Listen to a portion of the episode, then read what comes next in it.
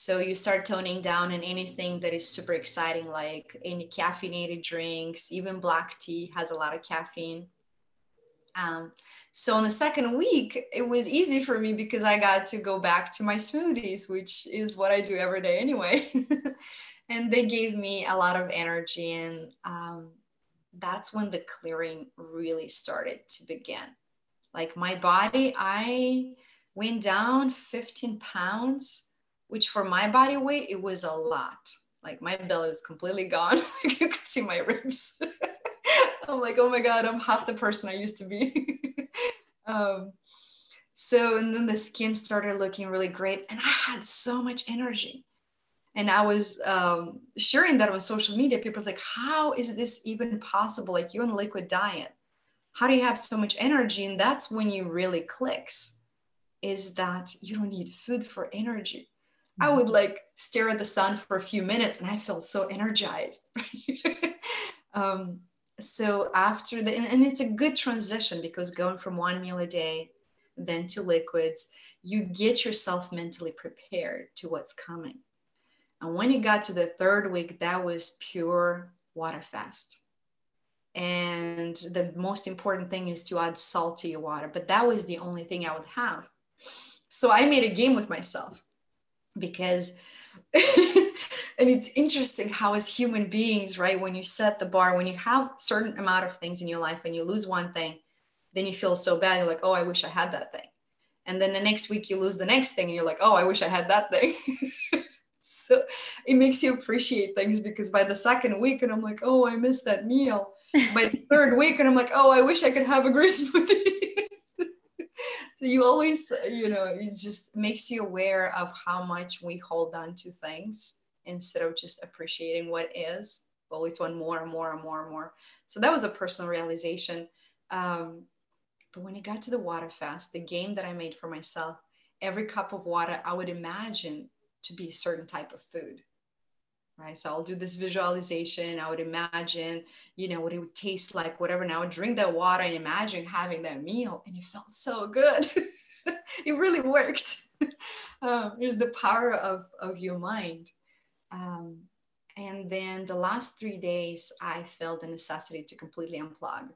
So I turn off all the computers, phones, everything. Like I just went silent I didn't speak a, sing- a single word for three days and I just spent time in nature and drinking water. It was phenomenal. Mm. The, the, the, the journey up to the point, it was a lot of fighting, like who's in control. Because when your mind is like, oh, I'm hungry, I want this, I want that, then you allow your mind to control you. So when you get to that point that you're like, I'm okay just the way I am. I don't need food to survive. I mean, obviously, eventually you do. but in the moment, just being able to be in control of your mind and of your body, then you realize that you're so much bigger than that. Because oftentimes, when you cloud it with a lot of toxic food, toxic people around, environment, you're allowing everything around you to control you, including your mind. When you reach out for that processed food, that's your mind controlling you. You're not in control. But when you're like, no, that's not empowering me, I'm not going to have that. I'm going to tell my mind what is good and what is not, and what I, you know, allow in my life and no, and not. So the third week was very, very interesting. By that point, I didn't even want food anymore. Um, I remember I actually went to the store on the first week and I would look around the foods they used to like, I used to have cravings. I would look at them and just look like just an item. I had forgotten the notion of eating food. So you get to a stage that you're like, what's the point? Like, it's a co- complete mental shift, a complete mental shift. Because a lot of times you realize how much you use food to fill in other voids in your life. Like when you don't have love, or a lot of you know amazing things in your life that make you feel good then you crave sugar you crave sweets you want those donuts the cake whatever that is for you. You know it's you're not using food to punish your body you're not using food to give your body pleasure.